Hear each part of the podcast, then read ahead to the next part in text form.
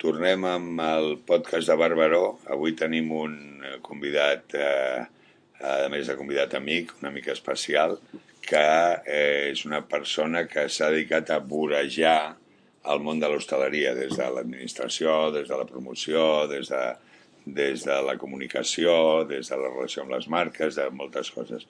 El nostre convidat d'avui es diu Jordi Torelló. Bona tarda, Jordi. Molt bona tarda. Bueno, jo primer et volia dir que ets una mica fill de puta perquè t'has anat a jubilar just abans de tot aquest merder de la pandèmia. Ho he fet sembla, bé, ho he fet Sembla bé. que tinguessis informació privilegiada, eh? Sí, Bueno, he tingut la gran sort de poder-ho fer, sí, sí. perquè el patiment actual que, que tu observes amb els teus antics companys no és el més agradable del món, eh? Me l'he estalviat. te l'has estalviat i per això estàs feliç. Bé, eh, jo et vaig conèixer perquè treballaves amb la meva dona, amb la Clara, amb una revista de, de El Món, uh -huh. eh, una revista cultural, diguem-ne, per d'alguna manera, d'actualitat, i eh, em feia molta gràcia perquè, perquè de tant en quant ens bevia una ampolla de Torelló perquè tu et pagaven, venies anuncis i, i, i clar, quan deies Torelló, vas veure els Torelló, et pagaven els anuncis amb cava. Amb cava. I de tant en quant doncs, aprofitàvem tot. Però eh, no sé com ni per què, un bon dia, clar, ja teníem una certa amistat, i un bon dia apareixes al Planters Punch. Uh -huh. Què era Planters Punch? Plantes Parents era una comercial que tenia el propietari d'una sèrie de locals de Barcelona, des de la qual pues, administràvem i gestionàvem pues, tots aquests locals, bàsicament d'oci nocturn i després de restauració a Barcelona. I el, eh, el Javier de les Muelas. No? Correcte. Jo vaig arribar amb ell, tal com deies tu molt bé, treballava amb la Clara, amb la teva dona, amb mitjans de comunicació bàsicament catalans. D'allà vaig passar amb una agència de viatges i de l'agència de viatges vam organitzar una activitat en el Nic Habana, una activitat que era eh, un viatge que vam organitzar per anar a veure Picasso a Estats Units, a, a Nova York, i vaig muntar un sidral allà en el Nicabana. I de l'organització d'aquest sidral, el que era llavors la seva mà dreta, del Javier de les Muelas, em va dir, vols quedar treballant aquí? Qui era? Uh, aquell xicot es deia Josep Maria, ara no recordo el cognom. Va dir. Bueno, Bueno, bueno el Javier era molt aficionat, que és una cosa que la va una mig copiar del, del Boccaccio, uh Ahà. que t'agafaven els clients i els hi feien fer vacances, com aquell que diu, o els portaven a Fraga a, a Sí. una bacanal, o els Ahà. portaven als Estats Units a veure alguna cosa, no? Correcte. I el Javier va agafar, jo recordo que va agafar aquest costum de, de liar la parda una mica amb els clients, no? Ahà. I amb una d'aquestes i et van oferir Sí, jo vaig muntar aquesta activitat de- d'un viatge als Estats Units per anar a veure el, a Picasso, una activitat que es feien allà, i d'organitzar-lo, la gent que estava en el mando en aquells moments del Nicabana, i entre ells el Javier, van veure que organitzava i que em movíem amb el tema i em van proposar pues, quedar-me'n allà per organitzar pues, esdeveniments eh, d'aquest tipus en el local. El Nicabana, a part de ser un local de copes i després discoteca, eh, organitzaven gran quantitat d'activitats empresarials, eh, culturals, eh, privades, eh, feien presentacions de tot tipus, vull dir, li van donar eh, una altra vida en el local amb tot aquest tipus d'esdeveniments. i tot això ho gestionàveu des del despatx. Correcte, tot això jo ho portava eh, des de Planters, que era el, el despatx, i des de Planters era una comercial que portaven doncs, una sèrie de locals de Barcelona que eren propietats del Javier i d'altres socis que doncs, vam anar ampliant. Sí, però tu buscaves que les editorials presentessin llibres... Correcte, la, gent meva feina era, era comercial i, i feia que tots els esdeveniments que en aquella època de Barcelona es cuien, doncs, eh, com a local que era punter a Barcelona, eh, jo doncs, feia doncs, eh, el tema... el. Correcte, els portava tots cap allà. a dintre i intentaves portar-los cap allà i per això aquella Correcte. zona del Nicabana recordo que estava Brutal. tancada, Ahà. que a les tardes era un... un... Fèiem concerts, presentacions, fèiem eh, presentació del producte, eh, presentacions de, de, de Sony amb, amb, amb cantants, amb, amb, amb vídeos, vam presentar el vídeo del Michael Jackson en exclusiva amb Sony en allà, bueno, fèiem mil activitats, des Sí, de sí. empresa privada a lo que fos.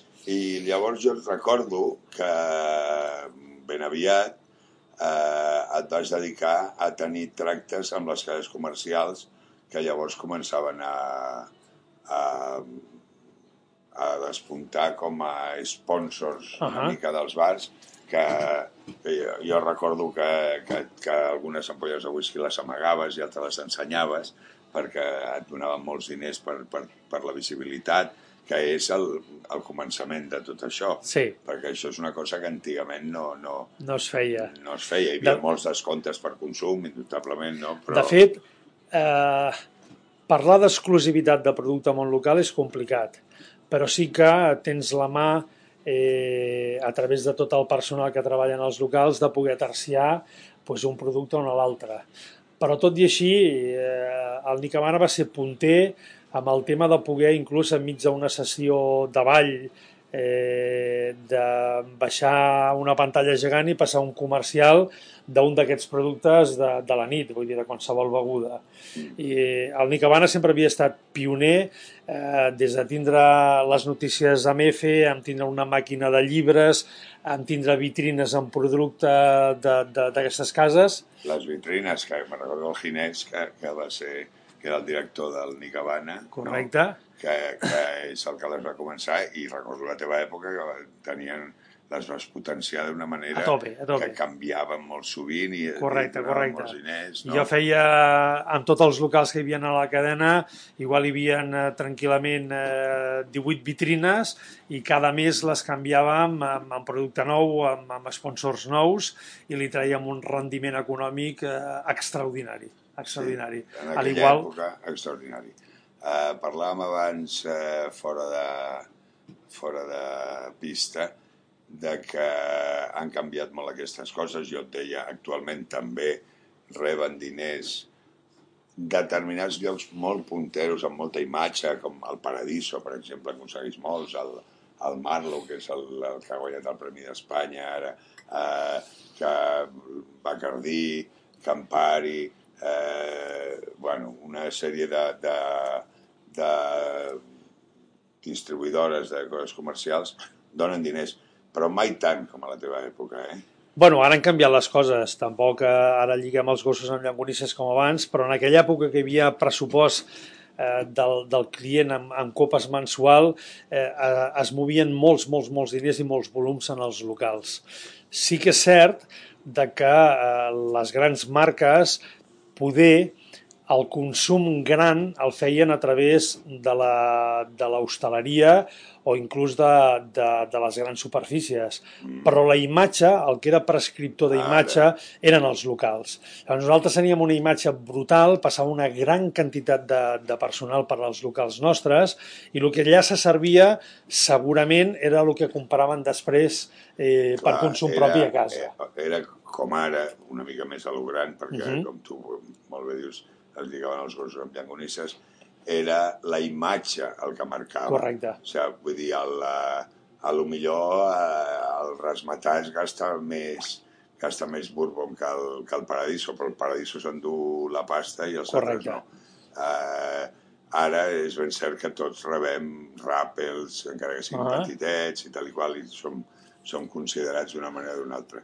Però avui en dia paguen perquè els seus productes estiguin a la carta correcte, correcte. dels llocs que tenen imatge. Uh -huh. Segurament per això que tu apuntes de que això és el que indueix al públic al gran consum. El consum, correcte. Sí, vale? sí.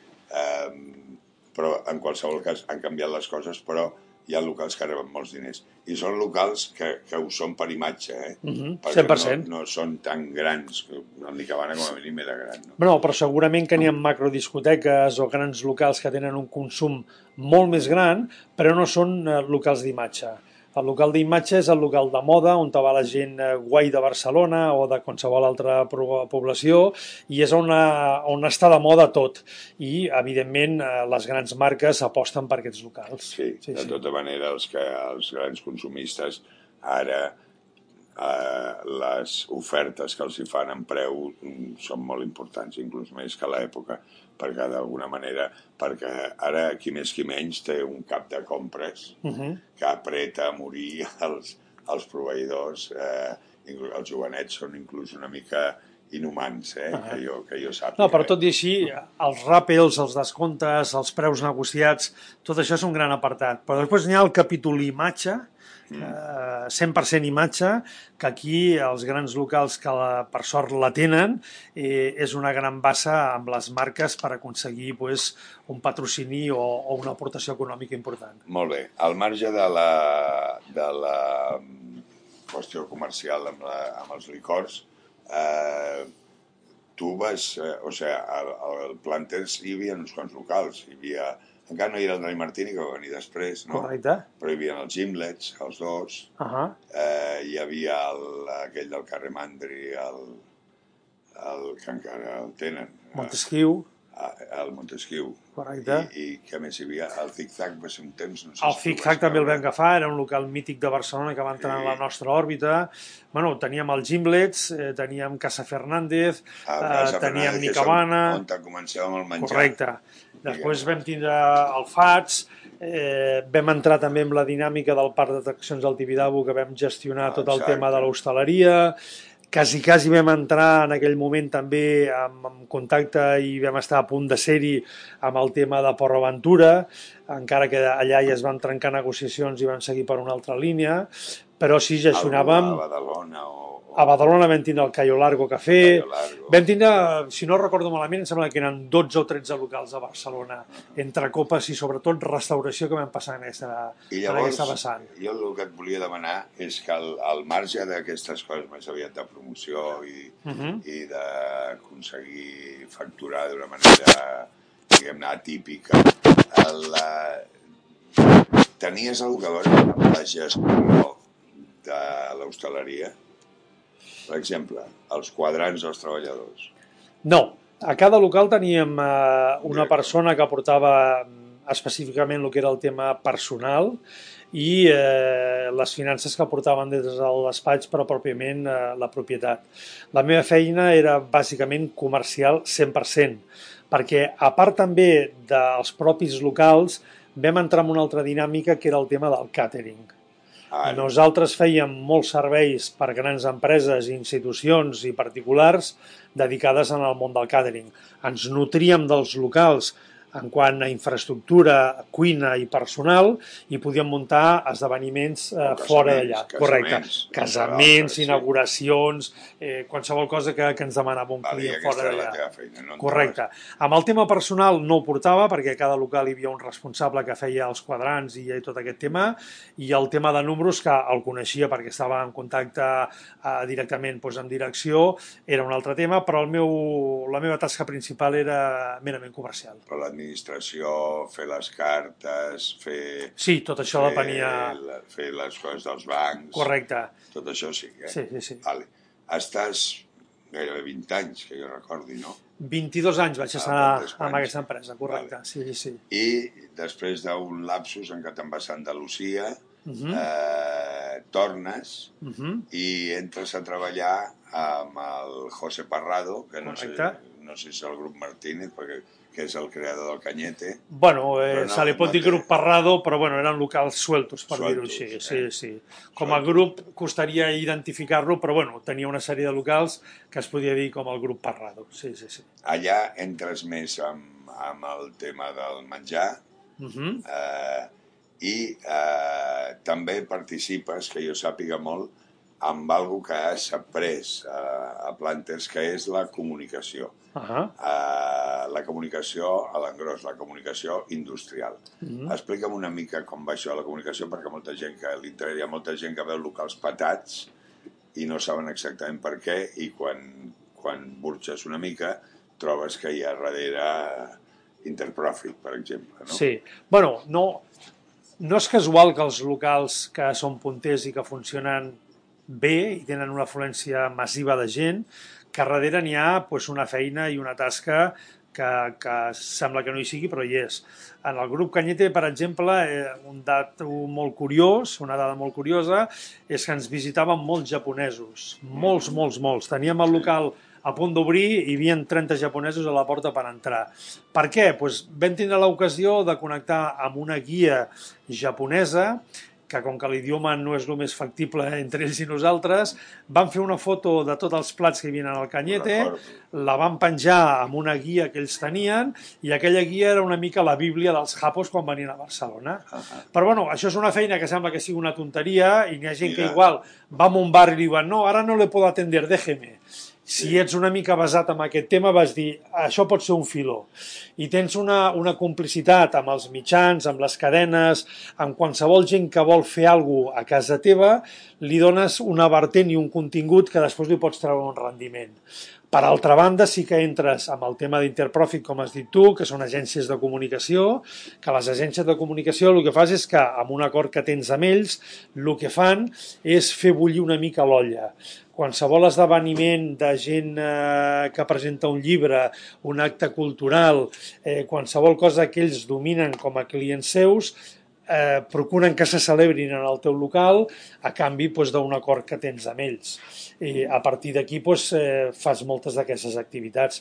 Però sí que és cert que des de que truca, per exemple, un dia TV3 que vol rodar un plano d'una sèrie que estan rodant, des d'una agència que vol vindre a veure com és el local perquè no el coneix, o perquè n'hi ha un, uns russos que han aterrissat a Barcelona i els hi han parlat del Canyete, pues, el que fas és atendre molt bé en aquesta gent eh, perquè coneixin el producte, per donar-lo a conèixer i buscant que després tinguis un retorn de totes aquestes coses. Clar això és, en general, el que és la comunicació. Uh -huh. I pel que jo t'he entès, si t'he entès bé, les agències de comunicació s'ocupen de tapar forats. O sigui, jo recordo un dia que em dius, vine que celebrem el uh, cinquè any del Canyet. I dic, collons, si no fa cinc anys, jo és igual. Ens han dit que hem de fer una festa. I és que ells tenen molt bon olfacte uh -huh. i veuen que necessita aquell local sortir en els mitjans i Correcte. una sèrie de gent preferent o amistosa eh, les, les agències de comunicació, evidentment, et proposen a vegades fer activitats, proposen fer activitats en el local eh, o provocar-les, vull dir, igual tu no tens en el cap que celebres aquest cinquè aniversari, però dius ja toca perquè fa cinc anys i no haguessis fet res. Doncs ells et proposen eh, que, com que tenen una sèrie de mitjans afins eh, en els quals després eh, una vegada celebres l'acte, faran resó d'aquesta activitat, eh, tens un puntàs de que eh, d'un dia per l'altre, quan has celebrat l'esdeveniment, et surten a 20 mitjans de comunicació, diaris, premsa escrita, ràdios, televisions, doncs que era el cinquè aniversari de, de, del local. Eh, què has guanyat amb això? En principi sembla que res, però tothom ho ha llegit en dos dies a tots els mitjans i això procura que en els propers dos, tres, quatre setmanes, un mes, tens un, un, un revertiment d'aquest acte amb afluència de públic que ven al local una... per dir, hòstia, no, fa temps que no hi ha estat en allà, vale, una... vull anar-hi. Bé, un cop superades les preguntes sobre la comunicació, eh, hi ha una cosa que em crida molt l'atenció perquè jo no... Va, sí que l'he viscut perquè vaig treballar en el Celeste No, el que és el Rasmatars, i allà hi havia una cúpula. Eh, a, a, a tots els llocs importants i tots els treballadors de molt importants hi ha una cúpula i, una, i el populatxo, la base, la, la tropa, que diem, no? La tropa són els que treballen, es caguen amb el jefe, perquè fan una hora més, perquè els hi paga una hora menys, perquè, perquè no poden descansar entre la tarda i la nit, perquè no sé què i perquè no sé quantos. Vale. Però la teva visió ha estat especial, perquè tu has conviscut a dintre del despatx amb ells. Ah. I, per tant, has vist les seves grandeses i també les seves misèries. Correcte. Perquè misèries n'hi ha de tot arreu. Explica'm una mica, perquè no és molt comú. O sigui, quan parles amb gent, doncs, parles amb un metre, parles amb un cuiner, eh, parles amb un cocteler, eh, parles amb un, amb, un, eh, amb un preventista, parles amb un distribuïdor, però la teva la ròtula, el teu genoll... El lligam d'allà, sí. Aquell lligam és especial. A veure, sí, sí. sincera't una mica i, no, a veure, el que tu has vist. Jo he tingut, eh, per dir-ho així, dos grans eh, personatges eh, propietaris o empresaris d'aquest sector i eh, el tema està en que una vegada entres en contacte amb ells i per la feina que et demanen, eh, no deixes de ser el seu home de confiança, el seu braç dret, el seu braç executor. Eh, treballar amb aquests personatges és eh, altament complicat. Primer perquè tenen una visió molt clara de lo que volen, encara que l'execució és complicada. Això per fer un símil és com a les pel·lícules que a vegades veiem a la tele, eh, que diu el coronel eh, en una pel·lícula bèl·lica «Hay que tomar aquella colina», i li diuen al sergent «Sargento, hay que tomar aquella colina», i el sergent fot una cara de pal dient «És que si anem allà morirem 50.000 i allò serà un desastre», però el sergent ha de tirar endavant i ha de complir l'ordre. Eh, amb els propietaris eh, és complicat treballar amb ells, eh, perquè tenen una visió a vegades mm, molt seva i portar-la a la pràctica, a la realitat, és costosa. Però eh, sí que en el meu cas he tingut dos, tres grans propietaris que he treballat amb ells, del que he après moltíssim, perquè són gent que té una visió important d'aquest negoci, però després amb el dia a dia el, la relació és complicada perquè moltes de les coses que et demanen no és que siguin impossibles, però, però, però costen de portar a la pràctica. I llavors... Per, per inhumanes. És per inhumanar o per lo que sigui, no? I llavors t'has de mossegar a vegades la llengua perquè ets la persona de confiança i has d'executar, intentes terciar el tema o fer-li veure una miqueta quina és l'opció de tu cap enrere, de tu cap avall, cap a la tropa, però a vegades pues, és, és complicat eh, aquesta negociació. No? Però bueno, és una relació molt estreta que tens amb ells eh, perquè d'alguna forma o altra ets el seu braç executor. Jo he tingut la gran sort de que amb aquests dos o tres empresaris que he treballat hem viscut una època de creixement espectacular i clar que els que tenen les idees i els diners i tot el cap són ells, però n'hi ha un equip a darrere, entre ells el capitanejava jo, doncs s'has de portar a terme eh, la realitat d'aquests projectes. És complicat, és gratificant, n'aprens molt, però n'hi ha moments també que són força d'usos. Sí, sobretot perquè sovint ets un generador de diners que no tornen. Sí, entre altres coses. Entre altres coses. Entre altres coses. Però clar, la visió d'un propietari a vegades és, és molt excelsa, busquen arribar al top, top, top, i per arribar al top, top, top a vegades no tens ni la infraestructura, ni el personal, ni una sèrie d'arguments al teu costat per poder-ho fer. I has de suplir-ho amb mans i mànigues per poder arribar en allò que ells volen.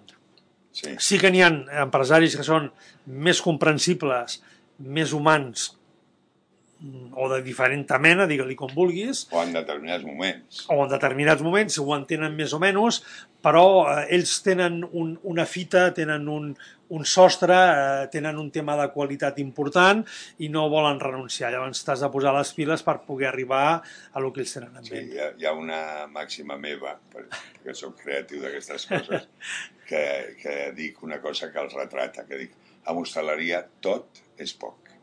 Sí, Sí. I això és algo que des del punt de vista del, del, de la mà dreta ah. doncs costa entendre. I després n'hi ha una realitat, eh, que això no passa en hostaleria, passa en totes les empreses.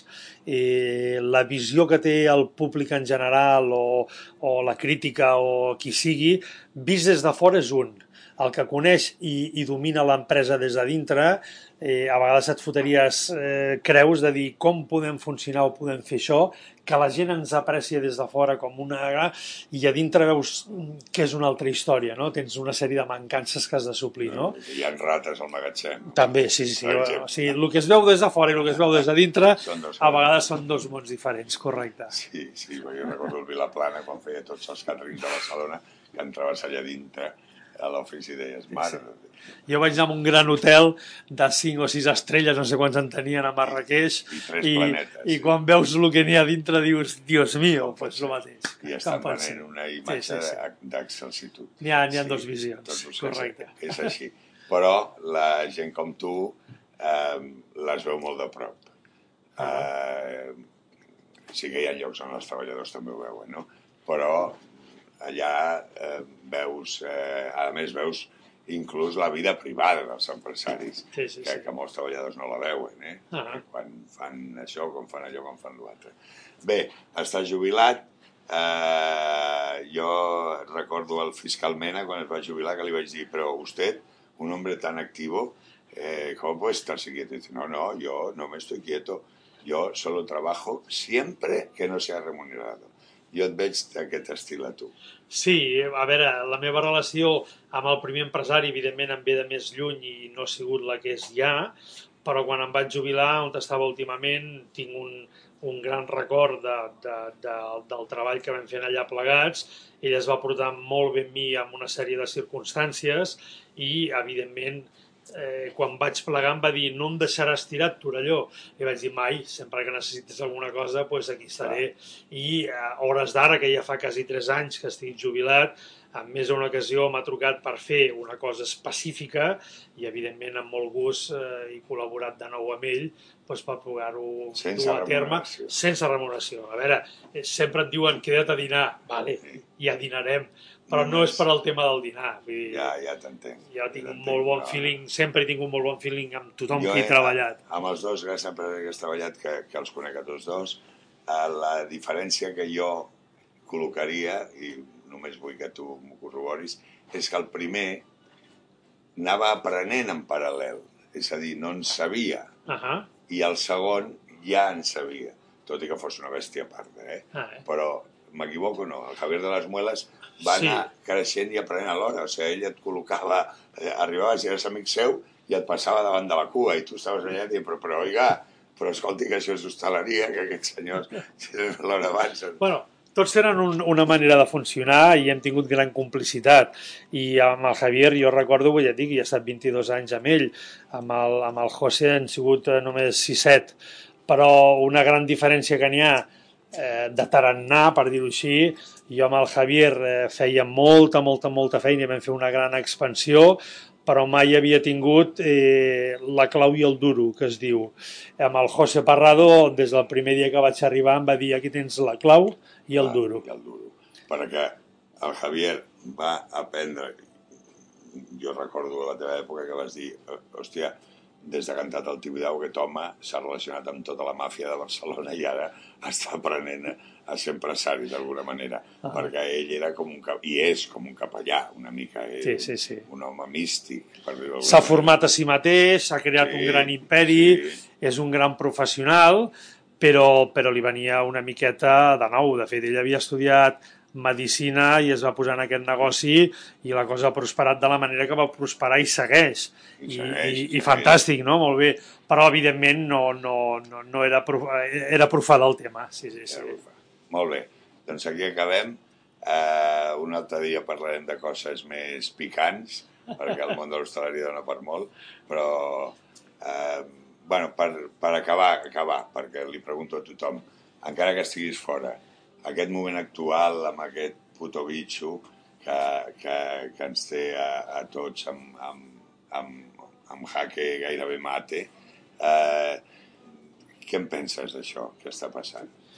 Bueno, eh, n'hi ha moltes lectures. No sabem si és perquè ha sorgit, si perquè ha estat creat, però sí que ens ha colpejat d'una manera brutal a tota la societat.